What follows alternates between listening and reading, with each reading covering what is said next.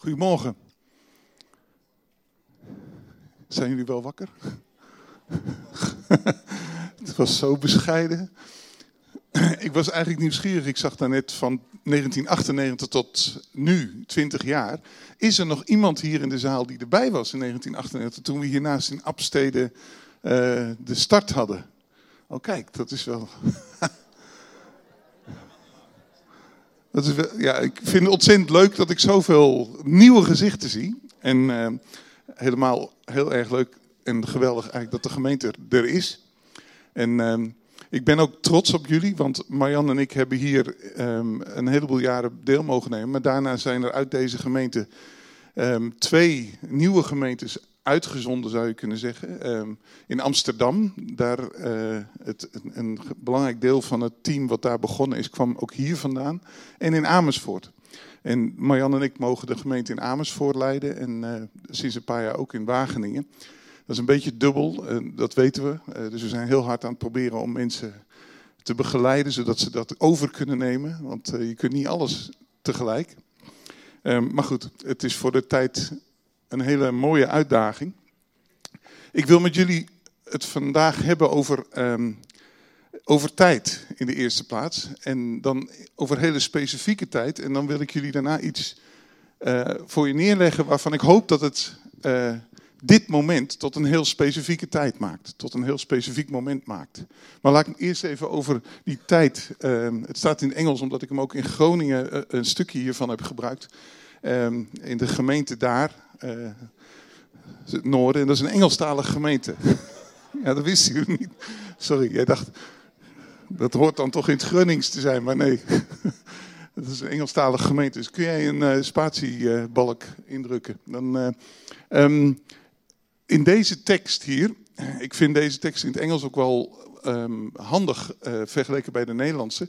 Um, daar staat dit, Laat, let us then approach the God's throne of grace with confidence, so that we may receive mercy and find grace to help us in our time of need. In de NBG-vertaling, Nederlandse oude vertaling waar ik mee opgegroeid ben, uit 5, 1955, staat um, te gelegener tijd in plaats van in our time of need. En um, ik wil je eigenlijk even met je focussen op dat stukje time of need. Um, en dan straks gaan we even kijken naar approach the throne of God's grace with confidence. Maar eerst even dat time of need. Um, geef me nog eens een uh, spatie, Mark. Hebben jullie wel eens zo'n horloge gezien? Van het merk Botta. Ik, ik had het ook nog nooit gezien, uh, tenminste, toen ik hem, totdat ik hem voor het eerst zag natuurlijk. Maar het bijzondere van dit horloge is dat hij maar één wijzer heeft. Ik weet niet of je dat ziet, maar uh, de, die gele wijzer is de enige op die wijzerplaat. En die wijzerplaat is niet in 12, maar in 24 opgedeeld. En dan zie je dat de bovenste helft van de wijzerplaat die is lichter dan de onderste wijzerplaat. Dus met andere woorden, als de wijzer onder uh, die helft verdwijnt, dan weet je dat je in de avond zit en de nacht. En dan op een gegeven moment, ongeveer rond de ochtend, hij staat op zes uur, uh, bij de, dan, dan begint de dag weer zo'n beetje. Nou, dit horloge zou bij mij dus niet werken.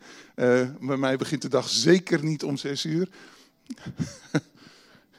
Dat wil zeggen, soms moet ik wel op die tijd op, heel soms. Maar dan ben, dan ben ik niet begonnen. Um, je ziet hier eigenlijk tijd volgens het Griekse woordje uh, chronos. Um, chronologie. Dat woord kennen jullie allemaal wel, denk ik. Tijd die voortgaat. De wijzer tikt van seconde naar seconde, van minuut naar minuut, van uur naar uur draait hij rond. En er is eigenlijk geen onderscheid tussen het ene uur en het andere uur. Tussen de ene seconde en de andere seconde.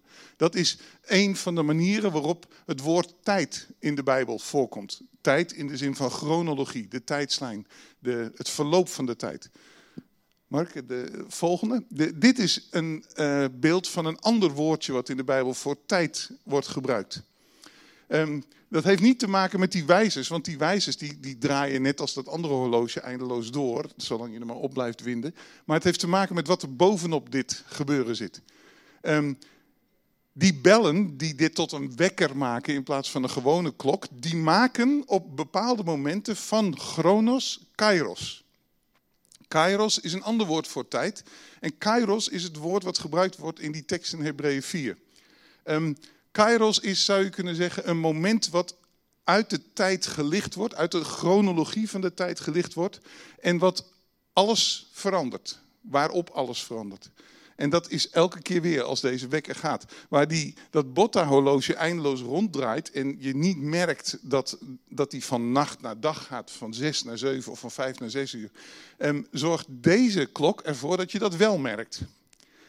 Op het moment dat hier de klok, nou ja, je, ik weet niet hoe dat allemaal werkt, jullie misschien wel nog als je zo'n ding hebt, maar ergens zet je dat, dat, dat tijdstip dat die af moet gaan, zet je aan. En als je dan zorgt dat hij niet vergrendeld is boven, dan gaat op een gegeven moment die bel rinkelen op een bepaald moment. En dan in één keer verandert alles, want dan ga je van, van slaap naar waken. Uh, misschien was je in een prachtige droom verzeild en in één keer, poef, is die weg. En ben je in een andere wereld. Ben je weer terug in deze wereld, in de werkelijkheid. Dat is Kairos-tijd. Dit is Kairos-tijd. Wat we vieren op uh, oudjaar, uh, dat moment. Waarom is op 31 december dat ene moment van, waarop de klok 12 slaat s'avonds ineens belangrijker dan dat andere moment? Dat is omdat we er een kairos moment van maken. We, we tillen dat moment als het ware uit de tijd omhoog en zeggen, dit is een bijzonder moment. En voor dat moment kijken we, mm, tenminste, sommige mensen kijken dan eerst eens terug. Wat heb ik eigenlijk allemaal meegemaakt het afgelopen jaar? En ze denken over dat moment heen naar het komende jaar. Wat komt er allemaal op me af? Waar hou ik rekening mee? Wat, waar hoop ik op? En dan op dat moment, dan, dan doen we iets. Dan steken we vuurwerk af en dan drinken we, heffen een glas champagne of wat eh, bubbeltjes toestanden. En we wensen elkaar een goede tijd. En daarmee is dat moment een, een moment geworden wat, wat gemarkeerd is in de tijd. Dat is wel helder, denk ik nu, hè? Kairos. Ja? Je mag uh, ja zeggen in deze. Dat ben ik wel gewend. Um, dit is, zou je kunnen zeggen, wat Kairos doet. Als je. Um, Kairos-momenten zijn meestal hele bijzondere momenten, zijn ook kostbare momenten die iets kunnen doen in je leven. Helemaal. Um, Kairos uit de Bijbel, Kairos momenten in de Bijbel, die worden met dat woord benoemd omdat het een moment is, of vaak momenten zijn, waarop de hemel doorbreekt op de aarde en alles op zijn kop wordt gezet of alles veranderd wordt. Oude Testament, een Kairos moment. Uh, Mozes wandelt, zoals hij gebruikelijk was, al 40 jaar lang met zijn schapen door de woestijn. En ineens ziet hij een brandende braamstruik die niet verbrandt. Ik weet nooit zeker, dat kan haast niet dat dat een braamstruik was, maar dat is MBG-vertaling. Um, maar een struik, midden in de woestijn, sowieso staat daar niet veel. En dan is er een struik die, die brandt, dat is ook bijzonder. En dan ziet hij dat die struik maar blijft branden en niet verdwijnt, niet verteert. Hij gaat er naartoe en je zou kunnen zeggen, tot die tijd is het nog Kairos. Hoewel, er is wel iets bijzonders aan de hand. En dan komt hij om te kijken, observe, hij nadert en hij bekijkt en dan vraagt hij zich af, wat is dit? Reflect. En op het moment dat hij dan daar is, dan hoort hij Gods stem.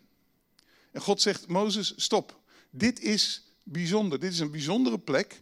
Um, dit is een stukje van de hemel op aarde. Ik ben hier. Trek je schoenen uit als een teken ervan, zodat hij zich bewust is van, hé, hey, dit is anders dan anders. En dan um, begint God met Mozes te spreken. En dan zegt God een aantal dingen. Nou, dan, je kent denk ik het verhaal wel. Vanaf dat moment wordt Mozes gezonden om het volk Israël uit de slavernij in Egypte weg te leiden. En vanaf dat moment is Mozes leven nooit meer hetzelfde. Er is um, wel een discussie. Hij praat met God.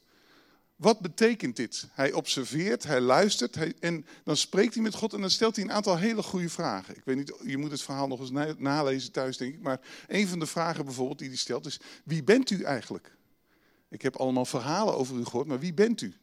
En God openbaart dan voor het eerst zijn naam aan een mens: Yahweh. En uh, vervolgens, um, waar God dan Mozes die opdracht geeft, zegt Mozes ook een hele verstandige vraag: Maar weet u wel wie ik ben? Kent u mijn geschiedenis wel. Ik ben niet meer welkom daar in Egypte. Ik uh, ben niet voor niks gevlucht. En wat ik ooit heb gedroomd dat ik zou doen, dat is niet voor niks niet gelukt. ehm, ik, ik ben eigenlijk niet geschikt. En als God niet meteen overtuigd is, dan legt Mozes ook nog even haar fijn aan God uit. Ik stotter. Ik ben niet in staat om zo voor de troon te verschijnen van Farao en in één keer te vertellen dat hij dat volk moet laten gaan. Nou, dat gesprek dat leidt uiteindelijk tot een moment waarop God zegt: Oké, neem maar stop. Nu stoppen met al die vragen. Ga. God zegt uiteindelijk: ehm, Als het gaat over wie jij bent, dan ben je de man die ik gezonden heb. En dan stuurt God Mozes, dus met andere woorden, vanuit het Kairos-moment op pad. En dat zijn eigenlijk de twee dynamieken. Er is in een Kairos-moment zit altijd iets van um, overdenken. En um, ken je dat woord repent in het Engels? Dus wij, in Nederlands gebruiken wij het woord bekeren. En dat heeft direct te maken met ik ben op weg naar het één en ik keer mijzelf om. Ik bekeer mij. Ik ga of ik keer terug op mijn schreden of ik ga een andere kant op. In het Engels het woord voor bekering, repent, dat heeft meer met denken te maken nog in de eerste instantie. Think another thought. Ga anders denken. En dat is helemaal wat er gebeurt in dat gesprek met, van Mozes met God. In dat Kairos moment. Mozes die wordt door God als het ware op een andere gedachte gebracht. Wordt op een andere gedachte geholpen over zichzelf.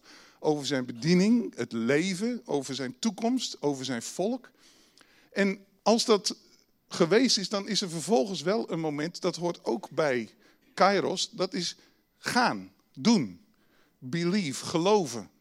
Alleen maar die andere gedachten denken en dan niks doen, dat maakt het tot chronos. Begrijp je? Op het moment dat je niet in actie komt, nou, dan zie je um, hele logische dingen. Plan, account en act. Denk na wat ga je doen. Mozes hoeft niet zo lang na te denken, want God die geeft hem al een aantal aanwijzingen. Ga op pad naar Egypte en je broer zul je tegenkomen. Maar mijn ervaring is ook dat in dat handelen, in dat uh, in actie komen, in beweging komen, account, uh, af en toe even terug reflecteren en um, zeggen: Oké, ik heb dit begrepen, deze nieuwe gedachte gedacht, nu ben ik onderweg. Zit ik nog op koers? En daar heb ik, heb ik ook altijd accountability partners bij nodig. Iemand met wie ik even kan praten om hardop te denken. Dat heeft niet iedereen. Hoor. Er zijn mensen die kunnen in stilte denken, maar um, ik hoor mezelf graag denken. Dan weet ik dat het echt is. Niemand die dat ook heeft? Ja? Dat, dat helpt soms. Maar het belangrijkste uiteindelijk zit in het, in het hele staartje. Uiteindelijk gaat het erover dat, dat je handelt. Dat er handelen, dat je handelen verandert. En dat handelen, dat kan, uh, handelen, dan denken wij altijd meteen aan handen. Dat zit ook in het woord, handelen. Maar het kan net zo goed te maken hebben met je denken voortaan. Als hij repent, uh, anders mag gaan denken, dan gaat het niet alleen over dat ene moment, maar voortaan denk ik anders. Voortaan is Mozes uitgenodigd om over zichzelf te denken als de man die door God gezonden is. Um, en van daaruit, voortaan spreekt hij anders. Dat is de uitnodiging. En dat is net zo goed handelen. Dus ik hoop dat dat spectrum voor je duidelijk is. Dus dit zijn Kairos momenten. Geef hem nog even een spaatje welkom. Dit vind ik mooi. Ik hou wel een beetje van horloges, eh, vooral als ze mooi en goedkoop zijn. Maar dit is helemaal niet goedkoop. Dit merk heet Kairos. Dat is erg leuk. En dat is zo omdat zij, ze snappen eigenlijk wel wat dat woord betekent. Dat, die wijzerplaat van dat horloge, uh, je kunt hem in drie varianten kopen, um, daar draait de chronologie van de tijd alsmaar door. Maar het bandje van dat horloge, dat is een heel bijzonder bandje, daar zit een klein displaytje in. En dat displaytje en de intelligentie in het horloge is net als met zo'n zo'n Apple horloge, Apple Watch, dat is gekoppeld aan je agenda. Dus terwijl die chronologie van de tijd doordraait, kan soms ineens je horlogebandje oplichten en dan komt er een bericht. Let op Menno, ik heb nog niet zo'n horloge, maar stel, let op, nu ongeveer is die afspraak. Of er komt een berichtje van Marjan binnen. Um, op dit moment uh, uh, nou, er gebeurt iets geweldigs en ik moet opletten en ik moet komen of ik moet bellen of iets dergelijks. En um, dan zie je dus dat dat horloge, dat maakt het helemaal zichtbaar. In de chronologie van de tijd maakt dat bandje Kairos momenten. Momenten die oplichten, momenten die um, niet een normale seconde zijn, maar deze seconde is even een boodschap, hoort daarbij. Nou, onthoud dat beeld even. Nu wil ik even met je een, een sprongetje maken. Die tekst in Hebreeën 4, die nodigt je eigenlijk uit om naar Gods troon toe te gaan, om hulp te verkrijgen te gelegene tijd. Hulp te krijgen in jouw chronologie van jouw leven, op momenten dat het nodig is. En eigenlijk nodigt die tekst je dus uit om naar Gods troon te gaan, zodat God in jouw tijd kan binnenkomen om hulp te brengen. En daarmee jouw tijd niet tot chronologie tijd, maar tot kairos tijd kan maken. Waardoor die momenten veranderen en bijzonder worden. Waardoor de hemel op aarde kan doorbreken. Nou weet ik niet zeker of dat voor jou ook geldt, maar of jij zo vrijmoedig naar Gods troon toe zou willen stappen, dat kan nogal bepaald worden door wie jij denkt dat God is. En misschien ook wel door wie jij denkt, of hoe jij denkt dat God over jou denkt. Dus wie jij denkt dat je zelf bent, in Gods ogen. Misschien is het niet je gewoonte om daar lang bij stil te staan en vaak bij stil te staan. Dat kan ik me soms ook wel voorstellen. Als je op een of andere manier niet zo geweldig over jezelf hebt of denkt, dan is daar lang bij stilstaan niet een plezierige uh, bezigheid. Dus dan kan je het maar beter minder doen dan meer.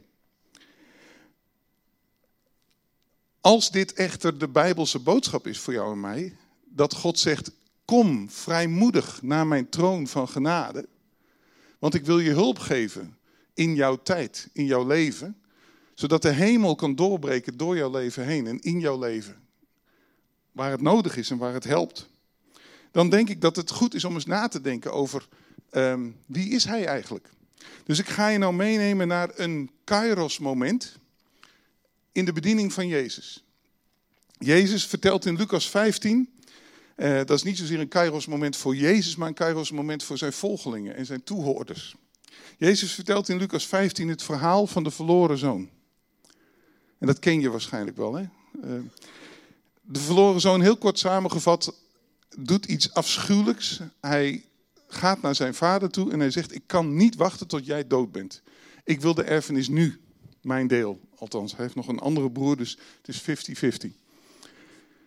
En dan moet je je voorstellen wat voor beeld mensen in die tijd meeleefden van een vader die een dergelijke zoon voor zijn neus kreeg.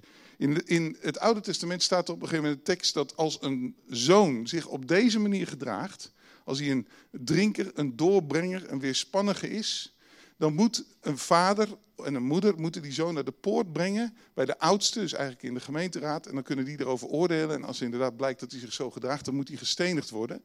Als een voorbeeld voor heel Israël.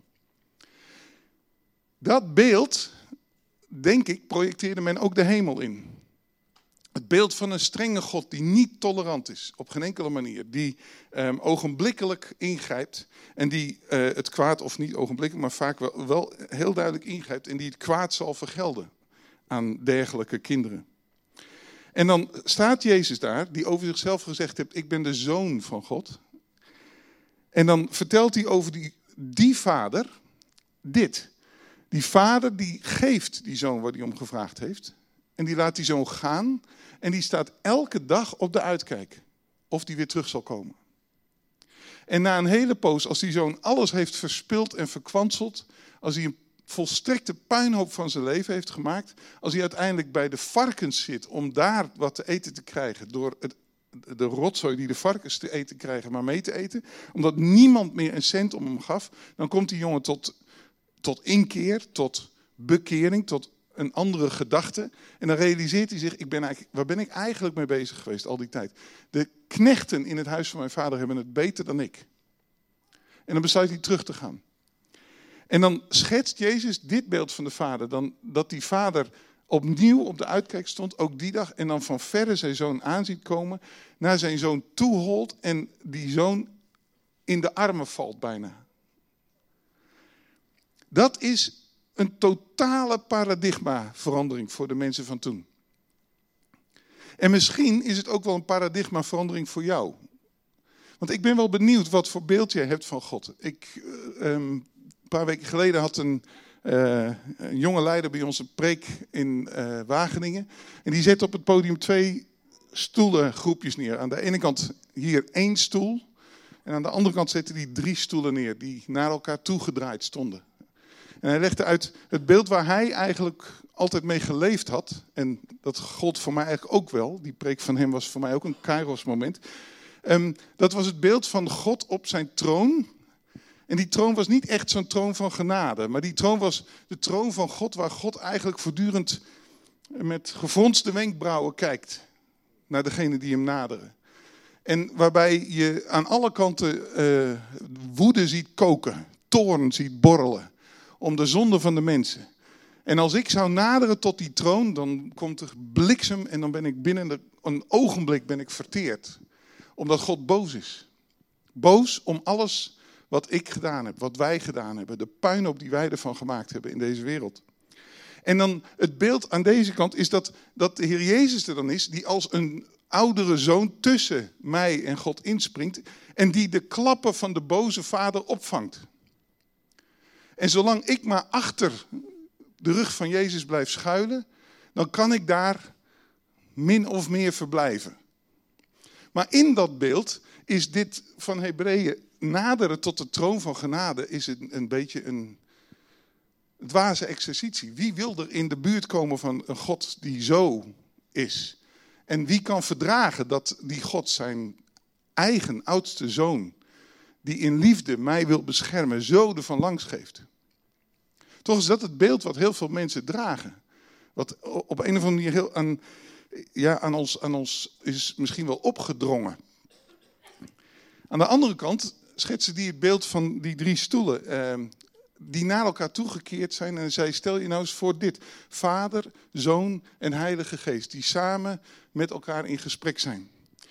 In verbondenheid. Ze hebben elkaars handen vast. En dan op een gegeven moment staat de zoon op en hij zegt: Ja, ik wil het doen. En de vader met, met ja, welke blik in zijn ogen laat de zoon los om ons te gaan halen. Omdat in het midden stond nog een stoel. Dat is jouw stoel. Dat is waar jij thuis hoorde. Jij, God heeft jou en mij geschapen als mensen naar zijn beeld en zijn gelijkenis om deel te zijn van die gemeenschap die er is tussen de Vader, de Zoon en de Heilige Geest. Niet in de zin dat wij God zouden zijn, absoluut niet. Maar wij zijn zijn schepsel, maar wij zijn zijn kinderen. En we zijn bestemd om in die liefde van Vader, Zoon en Heilige Geest thuis te zijn. Dat is een totaal ander beeld van de Vader. Een totaal ander beeld van de troon ook. Dat is het misschien voor jou wel, maar voor die discipelen van toen was het revolutionair. Een vader die dat deed, een zoon die zich zo had gedragen, die terugkomt, die omarmd wordt, stinkend, komt net bij de varkens vandaan, die door de vader overeind gezet wordt en hup, meteen de hele erfenis weer krijgt. Een mantel op zijn schouder, dat is de autoriteit van de vader. Een ring aan zijn vinger, dat is hetzelfde als de pinpas van de vader. En schoenen aan zijn voeten. De vrijheid van de vader. Hij is niet een slaaf, hij is een zoon. En Jezus zegt met zoveel woorden, zo is er in de hemel meer vreugde over één zondaar die zich bekeert, dan over duizend die geen bekering nodig hebben. Jezus zegt, dat is de Vader. Zo is God. Dat is de troon van de genade. Tegelijkertijd komt God ons daarmee tegemoet. Want het is heel moeilijk om. Uh, ja, hoe praat je over God als vader, terwijl God, er staat in de Bijbel over hem, uh, dat hij zo groot is dat de aarde als een voetbank voor zijn voeten is. Dat hij woont in een, een, een, een ondoordringbaar licht. Dus met andere woorden, al onze beelden schieten gromelijk tekort. Als het gaat om proberen te begrijpen wie God is en hoe groot Hij is en hoe, hoe eindeloos. Toch is het Jezus, Gods Zoon, die ons op die manier uitlegt. Het hart, de kern van wie de Vader is, is dit. Ja, maar hoe zit het dan? Want bijvoorbeeld eh, Romeinen, ken je die tekst, Romeinen 1? vers 18 en 19. Toorn van God, Toorn van God openbaart zich van de hemel over alle goddeloosheid en ongerechtigheid van de mensen, die de waarheid in ongerechtigheid ten onderhouden. Daarom dat het geen van God gekend kan worden in hen openbaar is, want God heeft het hun geopenbaard. Daarom heeft God hen overgegeven in hun hartstochten. Is er dan geen toorn? Uh, bedoelt Jezus dat als hij dit zegt, dat er een aantal teksten in de Bijbel zijn die eruit moeten, die we nu mogen wegkassen of uh, uitscheuren? Hoe, hoe, hoe kan dat dan? Um, is God dan niet boos over zonde? Ik denk dat een hele belangrijke realisatie is dat, um, als ik het te moeilijk maak, mag je vragen stellen. Maar als er, ken je dat, dat er boosheid bestaat in de zin van, um, um, nu wil ik alles vernietigen. Maar dat er ook boosheid bestaat in de zin van passie, omdat iets niet aan zijn potentie komt. Omdat iets, iets dat, het, dat, het, uh, ja, dat je zo graag zou willen dat het anders wordt, dat het beter wordt. Boosheid uit liefde zou je kunnen zeggen. Eh, liefdevolle boosheid. Het woord wat vaak hier voorkomt in het Nieuwe Testament als het gaat over die toorn, is een woord met die betekenis. Een, een, uh, een gepassioneerdheid die eigenlijk jaagt naar dat het niet zo, maar dat het zo gaat. Denk je dat die vader daar alleen maar um, met, met uh, zielige tranen heeft staan wachten in het beeld wat Jezus schetst, de vader van de verloren zoon? Of zal die vader daar nooit ook um, met, um, ja, hoe, moet je, uh, hoe noem je dat? Ik, ik heb dat af en toe, als ik me op die manier boos maak, dan, dan knas ik een beetje met mijn tanden. En als ik dat te lang doe, krijg ik hoofdpijn. Dan moet ik, dus dan moet, relax, laat je boosheid los, Menno. En uh, ga er maar voor bidden.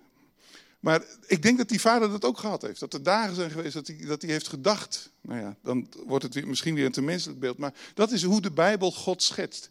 Hoe de Bijbel ook Gods toorn schetst.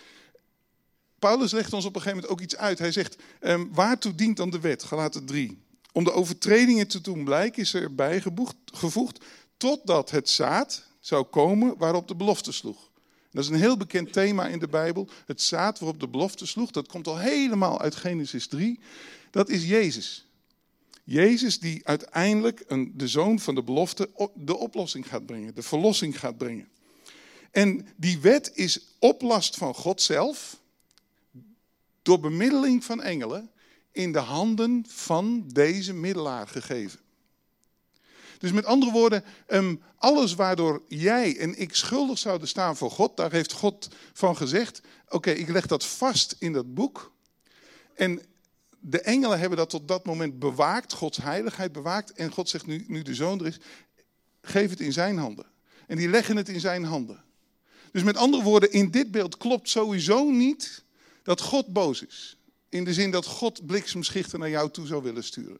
Hij heeft al die redenen waarom hij boos zou kunnen zijn, heeft hij op laten schrijven en heeft hij in handen van zijn zoon gegeven. Dus als er iemand boos kan zijn, dan is het de zoon. Begrijp je? Maar wat doet de zoon ermee? De zoon die zegt dit bijvoorbeeld in Johannes 12, vers 47. En als iemand mijn woorden niet hoort en niet gelooft, wat denk je dat hij dan gaat zeggen? dan word ik heel boos. Dat zou logisch zijn. Als je niet eens naar mij wilt luisteren. Maar wat zegt hij? Dan veroordeel ik hem niet. Want ik ben niet gekomen om de wereld te veroordelen, maar om de wereld zalig te maken. Dus die zoon zegt met andere woorden, ik heb die wet. En die wet die klaagt jou en mij misschien wel aan. Misschien wel, mij wel zeker. Maar hij zegt, ik hou hem, ik hou hem bij me. Ik ben gekomen om jou te behouden. Er komt wel een dag waarop het de dag des oordeels heet. En dan zal de vraag misschien niet in de eerste plaats zijn: heb je dit wel gedaan, heb je dat wel gedaan, heb je dit wel nagelaten en dat wel nagelaten. Maar dan zal de vraag van de vader zijn: wat heb jij met mijn zoon gedaan? Mijn zoon die niet gekomen is om jou te veroordelen, terwijl ik had hem het oordeel in handen gegeven. Hij had het mogen doen. Maar die om onze liefde voor jou heeft gezegd, ik kom om je te behouden, om je terug te brengen in de cirkel van Gods liefde. Bij de Vader, de Zoon, de Heilige Geest. Wat heb je met zijn aanbod gedaan? En dan zegt Jezus, um, dan zal niet ik, maar de Vader. Dat zal het oordeel zijn. Dus, oké, samenvattend. Dit was een kairos moment voor de discipelen. Hier moesten ze volgens mij heel lang over nadenken. En je ziet dat ze dat nog jaren gedaan hebben.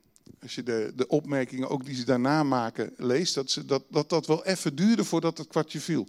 Maar hierdoor werd eigenlijk alles anders. En ik hoop dat vanochtend hierdoor voor jou ook alles anders wordt. Dat je, um, als het ware, je gaat je, je beeld van God misschien 180 graden wel moet draaien of een stuk bijdraaien.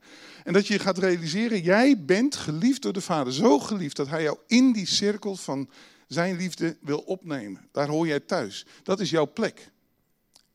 Voor mij was de paradigmaverandering ook, de, de, het Kairos moment ook, dat ik me realiseerde, dat geldt niet alleen voor mij, dat geldt voor iedereen.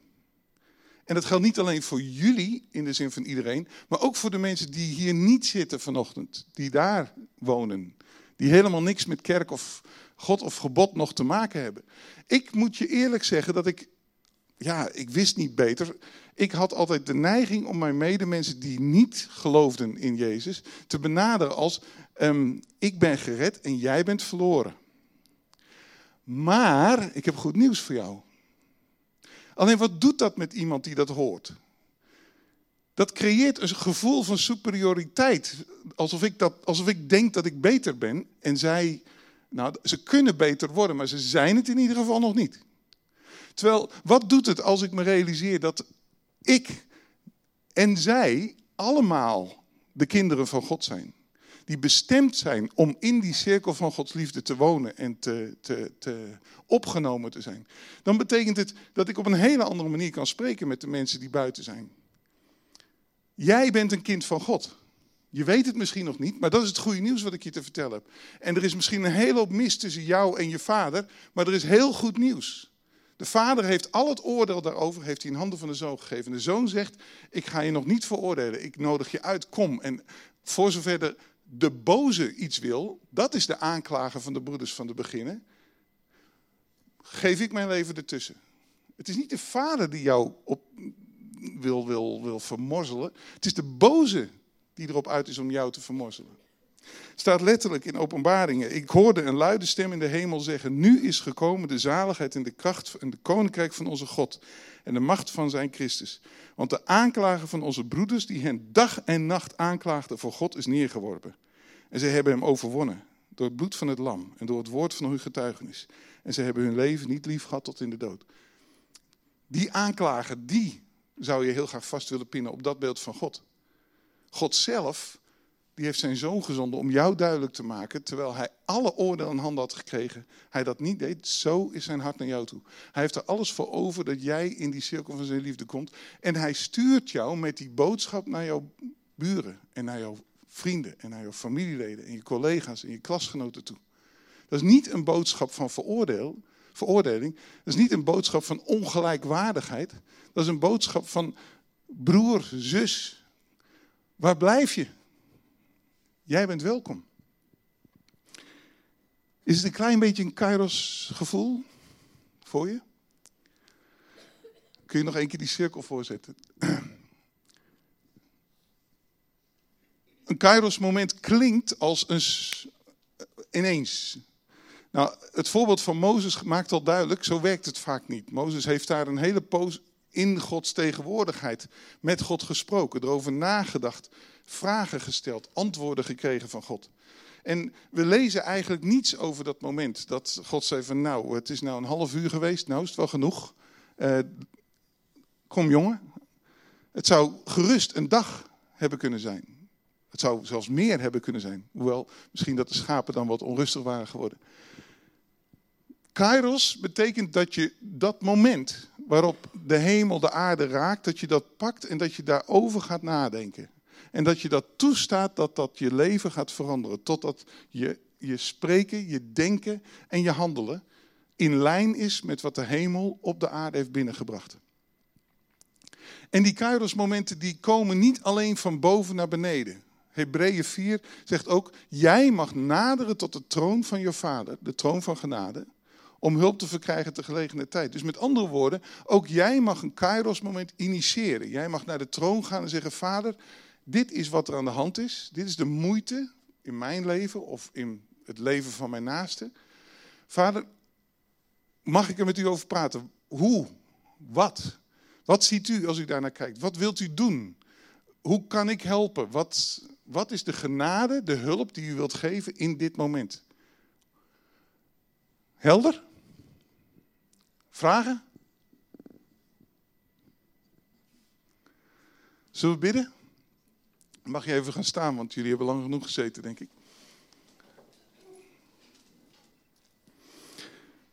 Ik wil voor je bidden um, dat deze uh, Kairos boodschap, de boodschap van dit moment, als het ware dat de Heilige Geest die in je hart zal planten, zodat je er niet los van kunt komen. Dat, het, dat, dat hij je als het ware daarbij terugbrengt, zodat ook al zou je misschien opgeslokt worden door de drukte van vandaag of van je, je dagelijks leven, dat hij, dat hij je er als het ware even bovenuit tilt, zodat langzaam maar zeker dat proces van uh, bekeren en geloven op gang zal komen.